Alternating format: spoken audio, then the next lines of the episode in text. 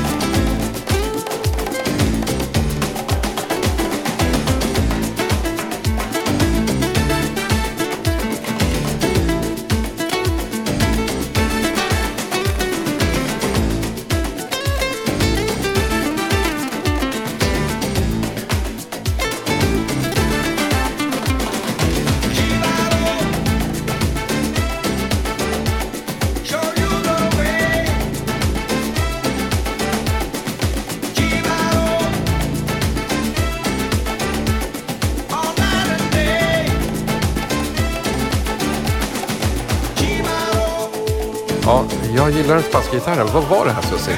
Det var Gibaro. Gibaro av. Elektra. Exakt. Bakom det liksom täcknamnet så döljer sig Paul Oakenfold och Phil Harding och någon mer. Jag har inte superkoll riktigt. Det här är från 1988. Det här är väl äkta Balearic? Absolut. Det är så mycket snack om Balearic hela tiden och jag är medskyldig till det. Men då och då så dyker det upp någonting som faktiskt spelades på Ibiza. Exakt. Sommaren 1988. Nu var inte, hade inte jag förmånen att vara på Ibiza 1988 men jag hade däremot förmånen att vara i London sommaren Just det. 1988. Och nu kanske det blir lite långdraget här och Ja, lite långt på. från den historien men, men den resan kommer jag fortfarande ihåg för det var liksom den som formade hela mitt vuxna förhållningssätt till musik och främst dansmusik. Aha. Och hela den känslan av att man hade någon slags samhörighet på dansgolvet med människor och att i grund och botten så handlar det om att man skulle ha roligt ihop och dansa och, och det skulle finnas en glädje som jag kanske inte hade upplevt innan. Och det har sen följt med mig och jag har haft det med mig i ryggmärgen lite grann sådär i hur jag tänker kring val av musik, om jag ska spela ute men också vad det är för typ av känsla jag vill ha när jag lyssnar på musik. Och att det egentligen handlar om väldigt mycket glädje. Det är väl på något vis det som jag tycker mig kunna höra i den här låten. Och jag har ju bara fått höra det från andra som faktiskt var där om den här enorma perioden på Ja. Ibiza Ja, just det. 1988 och tänker Ja. att det kanske var tur att jag inte var där men Ja, nej men vet du vad? Den, den här låten fick mig också tänka väldigt mycket på det. Och då tänkte jag vidare ett snäpp till Ja. eh, på eh, Douglas Copelands bok Generation X.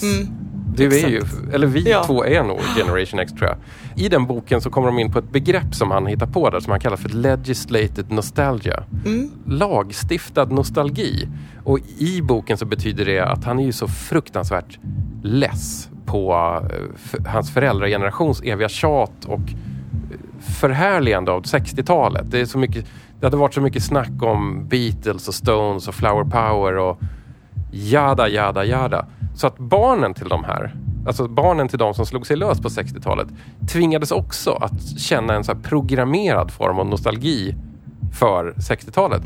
Jag kan ibland uppleva att det är lite så om man går på klubb eller liksom bara lyssnar på dansmusik nu att Folk pratar väldigt mycket om sommaren 1988. Det pratas väldigt mycket om Ibiza. Det pratas om Balearic. Så jag tänker då, de stackarna som är eh, 20, 25, 30 nu. Alltså som Ja. var bara småbarn eller inte ens var födda då. Även de går omkring med den här mentala bilden av att man har ravat hela natten och ser solen gå upp över en strand på Ibiza medan man hör exakt. Paul Oakenfold spela någonting som kombinerar liksom någon slags house beat och spansk gitarr. Vilket de ju själva gör idag också. Ja, det, det är det som är den lagstiftade nostalgin. Ja, absolut. Och då kan man ju tänka vidare då, vad ska de hitta på?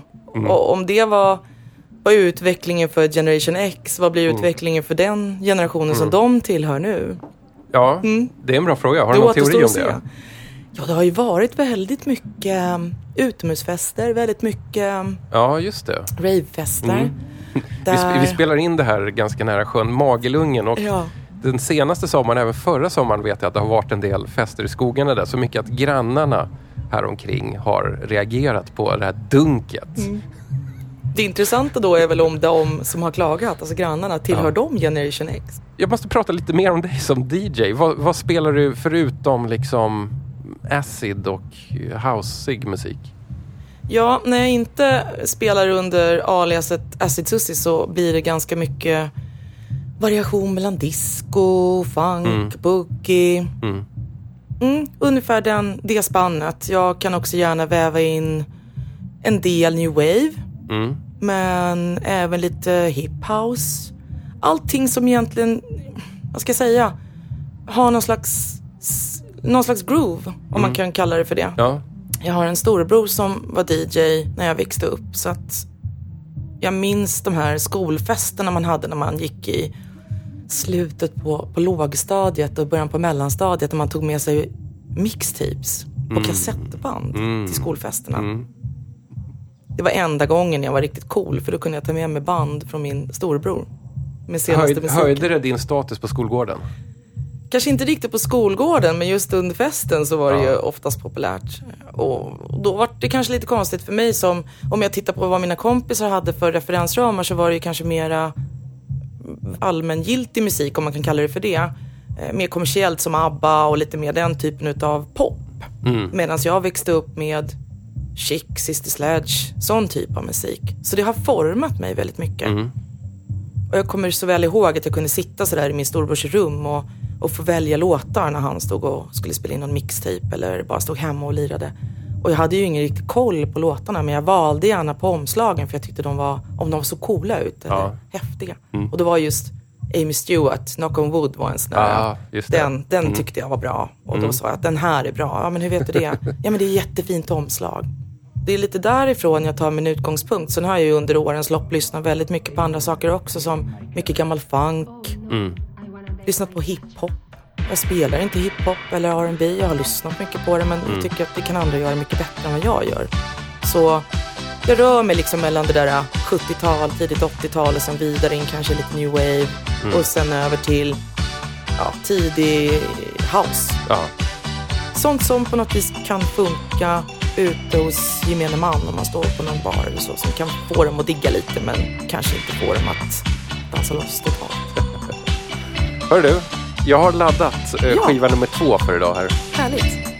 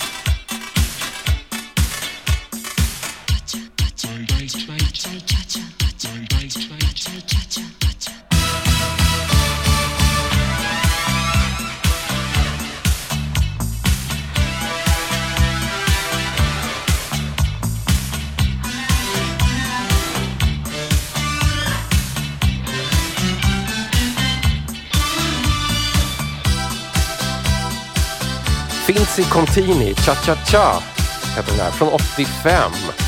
Italo disco. Vad fick dig att plocka upp just den här? Det var nog du faktiskt. Jag tvingade dig. Inte riktigt. En av inspirations... Eh, ska säga, punkterna till, till att välja ut skivor till det här avsnittet var ju bland annat att kunna välja ut en skiva som, som man kanske bara tar som ett wildcard. Sådär, titta på omslaget och välj någonting som du gillar. Just det. Och så dök Finzi Coutinho upp och jag såg omslaget och bara sådär, den här måste jag bara köpa. Jag har ingen aning om vad det är. Ja, det är Men- väldigt färgglatt. Alltså det är något slags collageartat. lite Ja. Grafiskt väldigt Exakt. mycket. Man ser en figur där med väldigt snabba solbrillor. Det är väl, Precis. det är väl den enda giveawayen vad det skulle kunna vara. Det där var ju någonting som jag hade plockat direkt när jag var 14. Mhm. För då var jag syntpoppare. Aha. Och då älskade jag ju den där typen av design. Och jag tror nog att jag hade väldigt gärna velat ha hört Vinci Contini på den tiden. Men den var kanske lite för snäll. Även om att det är lite mer Italo-feeling Mm. Ja, ja, på men den. precis. Ja, Jag har lyssnat ganska mycket på Italo Disco men jag tror aldrig jag har hört den här förut. Det här, det här är liksom lite mer, eh, jag vet inte, de här var inte ens stora Italien får man en känsla av. jag tror inte heller det. Jag försökte kolla upp några namn och den, det här är producerat av någon som heter David Zambelli. Och han har skrivit och producerat mängder av Italo Disco och jobbat med liksom Scotch, Silver Ah, okej. Pozzoli, Ja. Mikko Mission. Så det är någon sån här ansiktslös producent farbror. Mm. Vem vet, det här kanske var en sån här wildcard som han tog in. Där de fick sin chans att släppa någonting. Va- Varför tror du att uh, Italo Disco har blivit så seglivat? Det är ju nästan som Acid. På det sättet att det kommer alltid tillbaks. Ja, det gör ju det. Och jag tror att det finns någon slags glädje i det och någon naivitet ihop med ett ganska bouncy tempo Mm. som gör att eh, folk liksom på något vis gillar det hela tiden. Ja, Man, man vill vara kvar i det. precis. Det är någon slags tidlöshet i det Ja.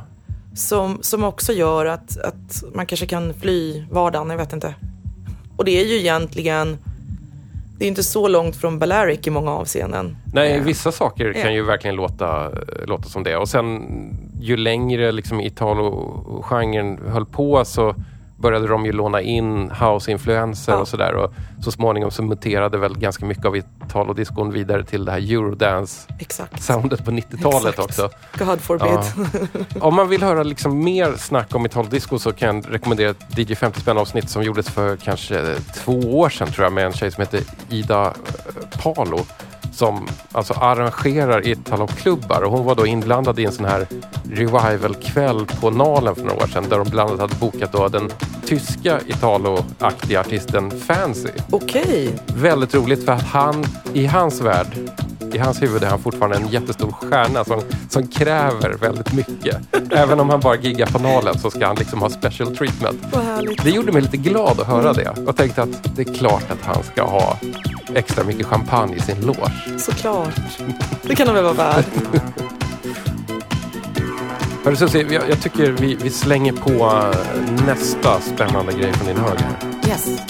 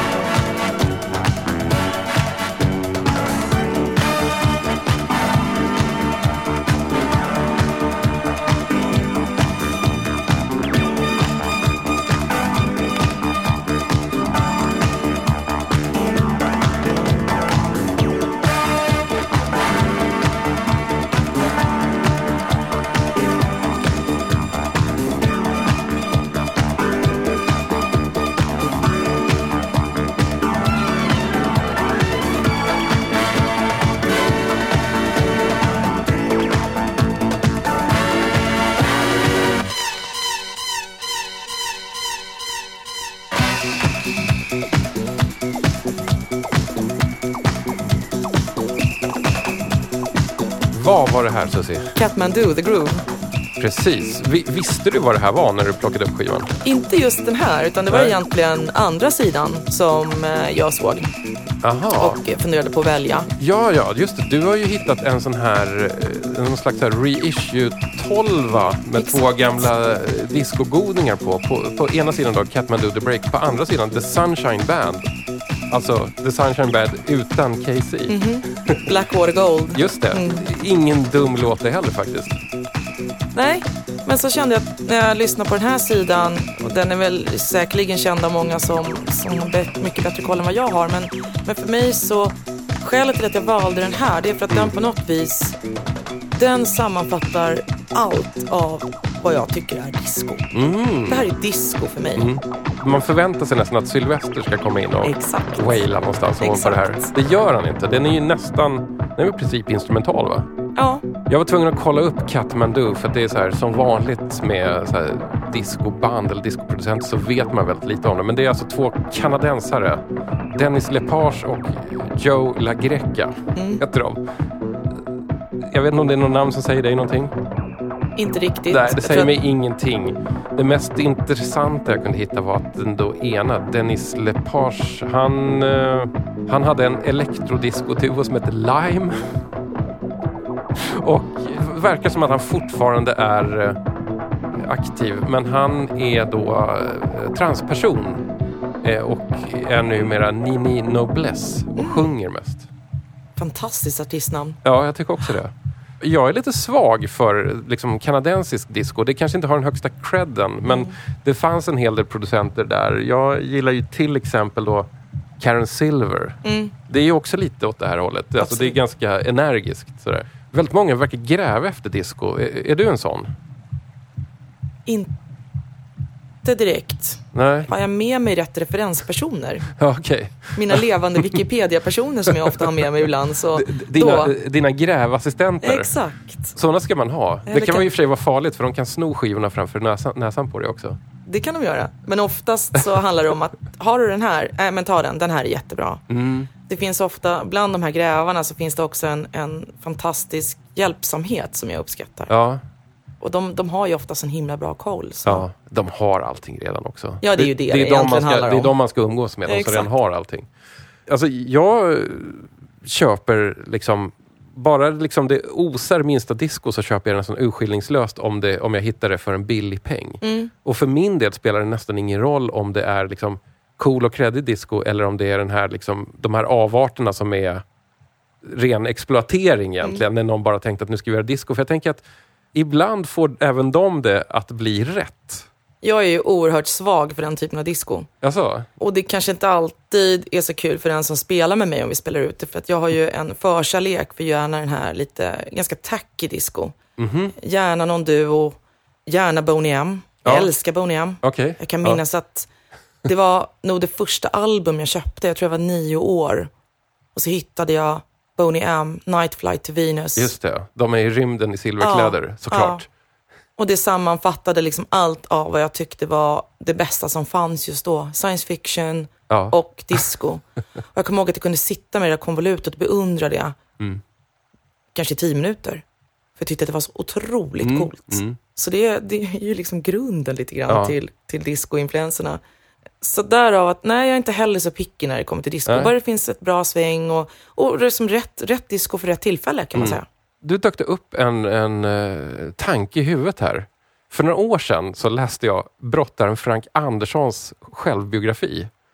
Jag ska inte säga att det är en superbra självbiografi, men det finns ett svinintressant kapitel i den som handlar om hans korta karriär som DJ under discovågen. Oj, Och han listar sina favorit eh, discotolvor, eller dis discolåtar i alla fall. Nu minns jag inte på rak arm exakt vad det var, men han hade faktiskt ganska bra discosmak. Alltså det var rätt tuffa grejer som han hade med där. det måste jag kolla upp. Om ni hittar den här boken någon gång på ett antikvariat, köp den. För att det är, väl, det är väldigt rörande också att stora, tuffa Frank Andersson spelar skivor. Han vågar liksom inte prata mellan låtarna som var kutym då. Så då hade han ibland med sig en kompis i, i båset, Hoa Hoa Dahlgren, som inte har något problem att prata. Är det här sant? Det är sant. Wow, Jag måste läsa det där kapitlet. Tyvärr har jag gjort mig av med den, men, men om du hittar den, läs discokapitlet. Det är så jävla roligt. Hörru du, hittade du någon hip house? Typ. Nästa spår kan man väl säga är lite flört med det. Nu har Ja. jag kanske valt en annan version här för att jag tänkte att vi ska kunna ha den lite mer liksom Ah, dansgolvsvänlig. förstår. men Mm. det var väl egentligen skälet till att jag föll lite för den också.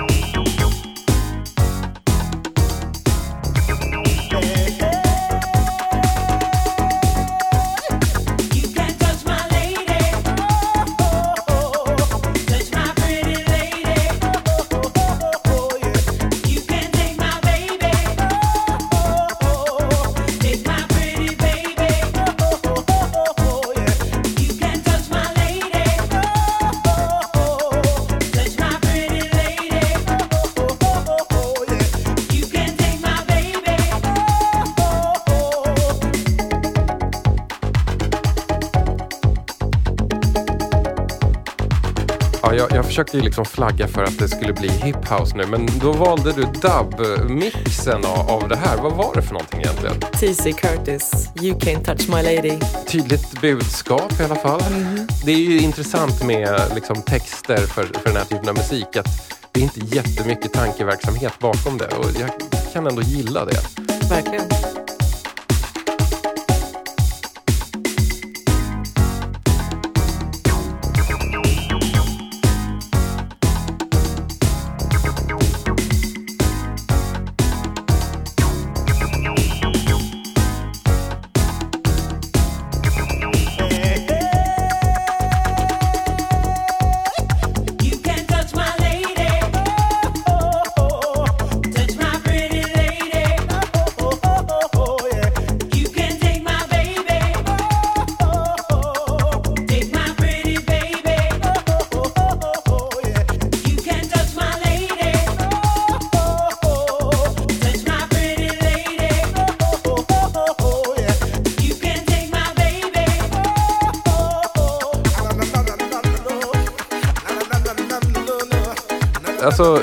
Det här hip house-soundet som vi inte hörde i den här, eh, som finns på andra sidan på den här skivan, den är väldigt mycket mer by the book. Det är högt tempo, det är någon som kommer in och rappar, det är liksom lite stompigt 89 house-sound. Det har väl aldrig riktigt kommit tillbaks? Nej, och det är ju jättesorgligt. För jag tycker ju att många kallar ju hiphop lite för den så här förbjudna genren. Men jag tycker att vi ska vara lite förlåtande där. För att jag tycker att det är, gör man det bra så har du liksom två genrer ihop till en gemensam genre som blir helt underbar. Ja, precis. Fast Eddie och Ja, precis. Tyree och lite så här sånt som är gamla klassiker. Och sen så har du ju de andra då som, som det finns ju väldigt högt och lågt inom den Mm. genren såklart som många andra. Men, men där finns det väldigt mycket lågt också. Mm. Vad vet vi om T.C. Curtis egentligen? Om jag inte har fått helt fel info så är han väl ursprungligen från UK, alltså Ja, Storbritannien. det. Ja. Och hade sin egen, sitt eget skivbolag. Hotmelt heter Mm, den. precis, Ja. Hotmelt. Och eh, har väl kanske annars mest varit känd för tidigare saker. Jag hittade lite så här, eh, vad ska vi kalla det? Musikbloggar som lägger ut liksom gamla skivor rippade. Just det. Och då var det flera stycken som hade lagt ut en gammal T.C. Curtis-låt som heter You should have known better. Mm. Namnet kanske inte säger så mycket, men kanske, man kan känna igen den om man fanns 1985. Ja, Det är inte så här house-influerat, utan det är någonting lite... Jag vet inte riktigt vad det ska. Nej, det vara. väl någon lite slags mer här- 80s eh, soul R&B så. Ja, precis. Den Exakt. instrumentala dubben där Mm. är väl den som kanske spelas mest och vad jag har fattat det som så är det väl kanske den som du den skivan som du hittar oftare Ja. på utförsäljningar. Men den här som vi uh, la på nu, den sa du, den här skulle jag kunna spela ut eh, nu. Absolut. Vad skulle du ha som leder in till den här och vad skulle du lägga på efter? Jag skulle nog kunna mixa in den med låten som vi spelade innan, Katmandu. Mm.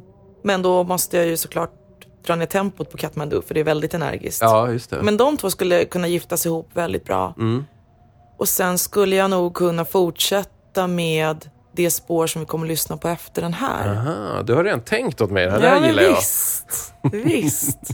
Och lite skälet till att jag valde den här också, det var ju för att det var det gyllene årtalet 1989 som den kom ut. Varför är det det gyllene årtalet? Därför att musik från 88 till 91, Mm. jag har fortfarande en sån här enorm stor förkärlek för det. För det är ofta, det jag köper idag kan vara gammal Chicago house Mm. och tidig Detroit techno.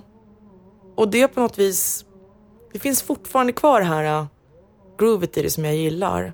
Och det är för mig liksom ursprunget till all dansmusik som man lyssnar på idag. Mellan de åren som du räknar upp nu, så den gemensamma nämnaren är väl att det mesta låter ju så här i våra öron kanske ganska primitivt, Mm. ganska hemmasnickrat. Det är inte alltid ens särskilt tight. Exakt. Ibland när jag hör liksom helt ny dansmusik som kanske är ganska influerad av hur det lät i Chicago eller Detroit i slutet på 80-talet så är det, det är väldigt clean, det är väldigt metronomiskt. Det, så det är Ja, sådär, men precis. och det, det brusar ingenting. Men, men när man lyssnar på de här gamla grejerna så är, det- så är det ganska ofta rätt ruttet ljud till exempel. Absolut. Och att det är, precis som du säger, ganska, det kan vara ganska otajt ibland. Mm. Och det känns ganska som att någon kanske har suttit och liksom snickrat ihop här, det här hemma i någon hemmastudio eller bara gjort det lite på skoj. Mm. Ja. Men det finns ändå någon slags liksom känsla i det och någon lekfullhet och någon passion. Ja. Så det blir inte det här rena, klina soundet som det blir när någon ska försöka Nej. replikera det idag. Nej, precis. Jag tror att det är det som är skillnaden mellan och den liksom, originalmusiken från den perioden och det som folk försöker göra idag för att efterlikna det och att det blir lite för, för rent. Och jag gillar ju det här gamla, att det verkligen är som nu ska vi ut med någonting, vi, som vi sa med den här You can touch my lady, det är en fantastisk titel på den här låten. De hade inte tid att tänka på det. De skulle, de skulle slänga ut en tolva. Och snabbt ska det gå. Fem minuter innan, innan inspelning. Du har redan hintat lite grann om att nästa eh, låt kommer funka ihop. Jag tycker vi smyger på den här lite. Och nu, nu är vi inne på liksom så här kändis, Eh, en kändisproducent eller kändisartist här med kanske ett av de mindre kända spåren från den personen. Exakt. I called you, but you weren't there. Well, I was out taking care of business. Where did you go? It's not your place to ask me that anymore. Why not? Cause where I go and with whom is no longer your concern. You weren't taking care of business. And how do you know? I, I, I, I followed you in my blue car. Oh, did you now?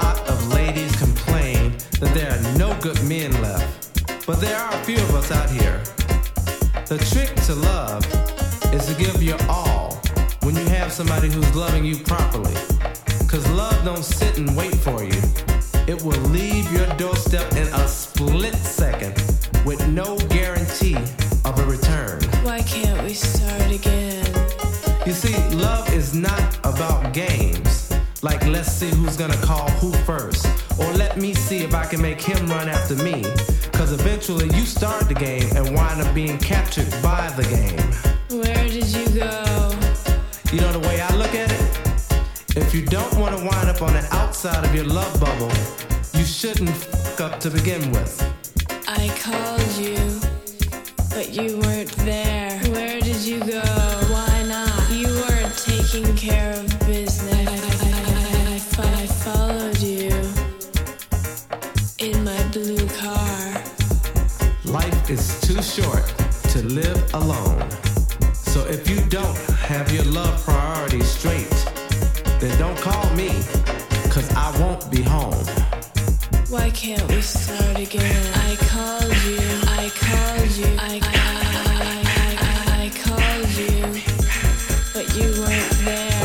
Fan vad det ringer hemma hos Little Louis. den här heter... I called you. Varför plockade du upp den här? Ja, det här var ju kanske något av det, jag skulle säga det andra fyndet i min värld i alla fall, Mm. då, som jag hittade på den här utgrävningen.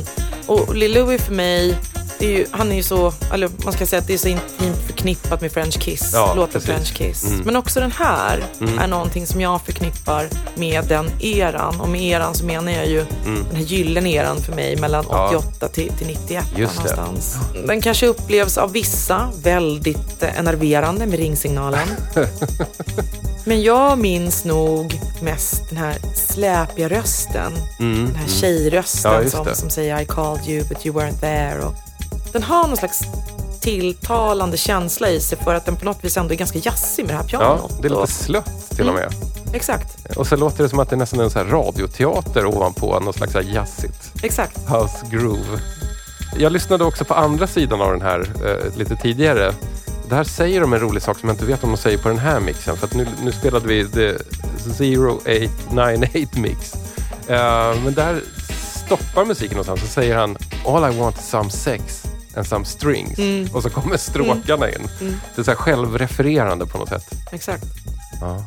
Men Lil Louis är ju liksom en, en av de här som fick en, så här, ja men det får man väl ändå säga, liksom någon slags världshit på dansgolv på hela planeten med låten French Kiss som är liksom väldigt stönig och går upp och ner i tempo och sådär. Det är den enda låten jag kan så att säga namnet på av Lil Louis. Han heter egentligen Marvin Burns och är då väldigt house-korrekt då från Chicago. Precis. Det är väldigt viktigt har jag förstått att, att det är så. Den här låten, jag vet inte vad jag tycker om den. Nej, Jag störde mig också lite grann på det där telefontemat.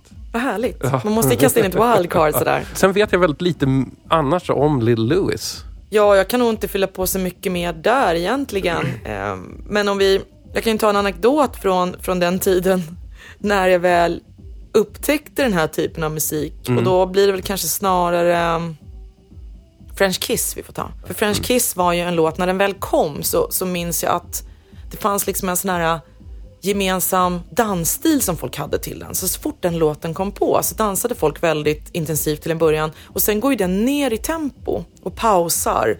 Och så har liksom det här, eh, vad ska man säga, stönet som ligger Ja, på. ja. Det blir ju någonting som att, ska man säga, mm, folk ligger med varandra. Mm, Och det var väl ungefär det som man låtsades göra på dansgolvet. När folk liksom successivt började dansa långsammare och långsammare så Ja. la de sig ner på golvet och sen Ja. så reste man på sig igen.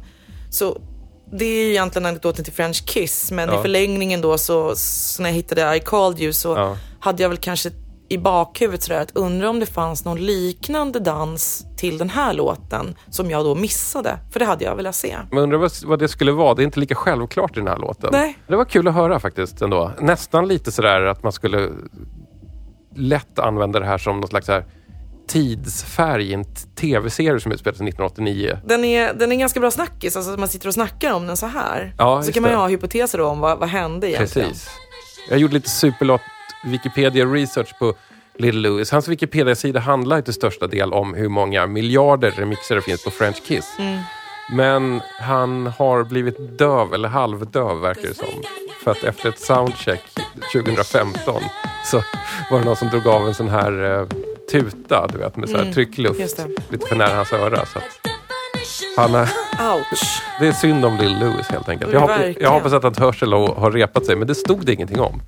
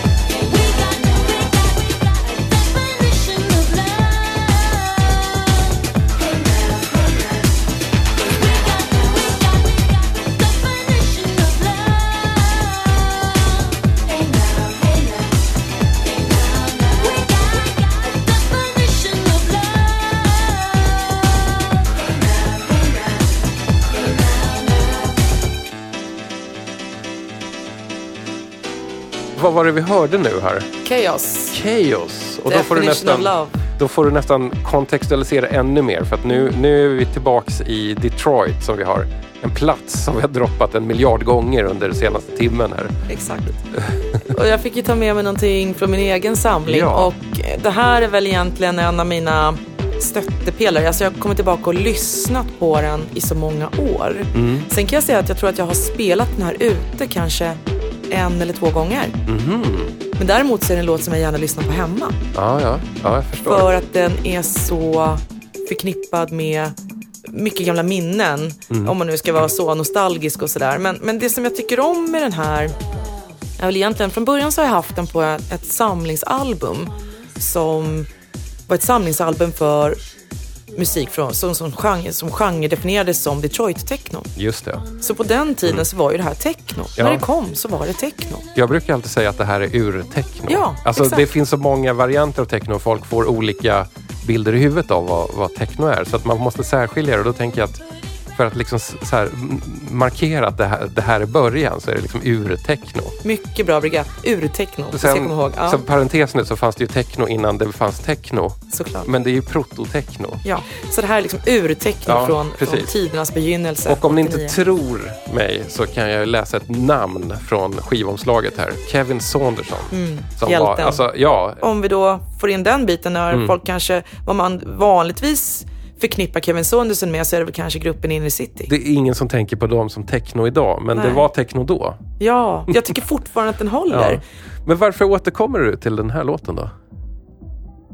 Den har det här, det är en ganska catchy, det är ett catchy beat i den. Det är ganska simpla men, men effektfulla vokaler på den. Mm.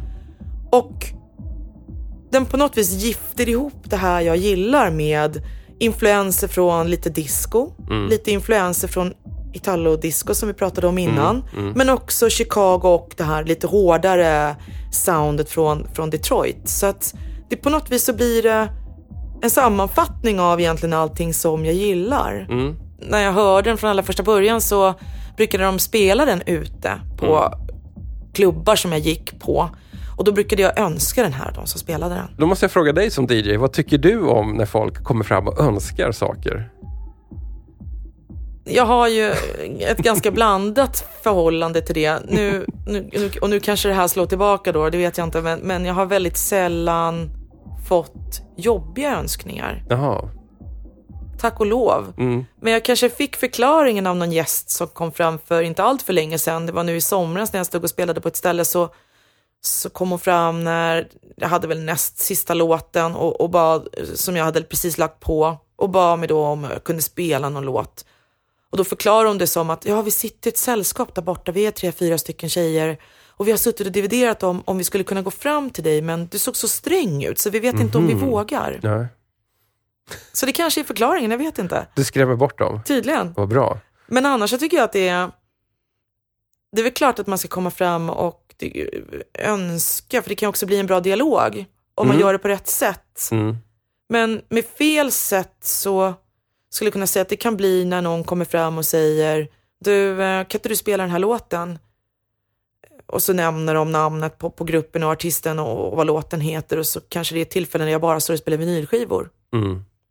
Och då är ju det svaret, tyvärr så har inte jag med mig den skivan så jag kan tyvärr inte spela den. Nej men du vänta, jag har med mig den här ser du. Vi kan, vi kan spela den från min telefon. Den moderna tidens förbannelse. Ja, och det är väl det jag menar med när det blir lite sämre och det är ju att allting har blivit så himla lättillgängligt idag. Ja.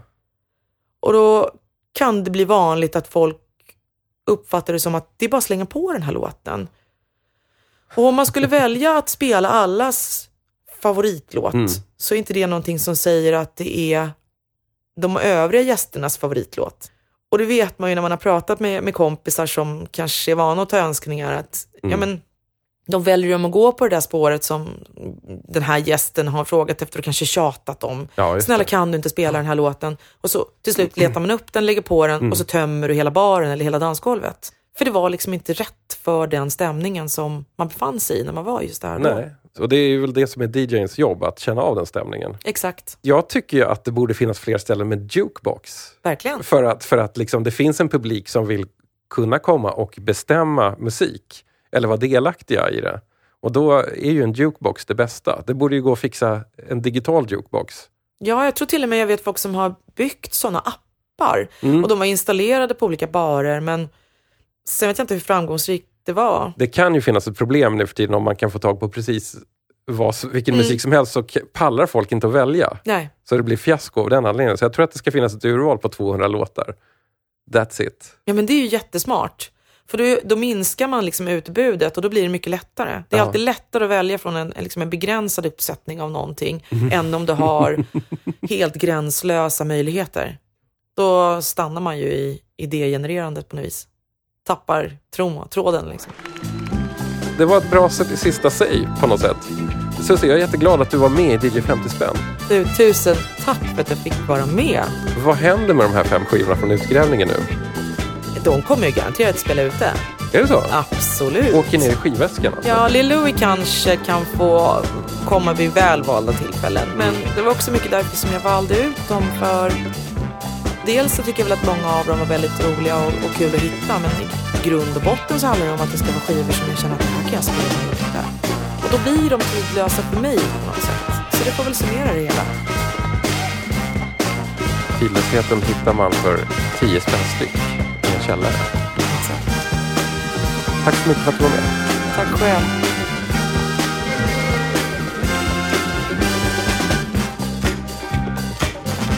Stäng inte av riktigt, riktigt än, är du snäll. Jag tänkte nämligen rekommendera lite grejer för dig som vill ha fler roliga och oberoende musikprogram från cyberrymden. Till exempel det här. Pärlor och pinsamheter. En saftig mixshow med bortglömda stickspår från det svenska 80-talet. Gå till Mixcloud, sök efter pärlor och pinsamheter och njut.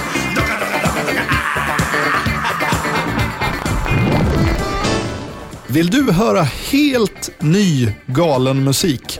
Lyssna på Filer till kaffet med mig, Jocke Boberg. En relativt kort podcast på sisådär 15 minuter varje vecka med musik uppladdat av er, kära lyssnare. Och du, om du gillar svensk soul, blågul samba, Tre Kronors Boogie, Sweggy, baltiska innanhavet Balearica, kristna Jönköpings Grooves och massa annat från den där blågula musikkomposten. Ja, då får du inte missa Swedish Sounds av Olof Karlstrand. Enkelt att hitta er också. Det finns på Mixcloud, så sök bara efter Swedish Sounds. Vänner och dammiga skivbackar måste naturligtvis också kolla in Evergreens med mig, Vladislav Bonita. Här spelar vi kommersiella band som aldrig slog på 80-talet. Knappa in evergreens.se och stig in i listflopparnas förtrollande värld.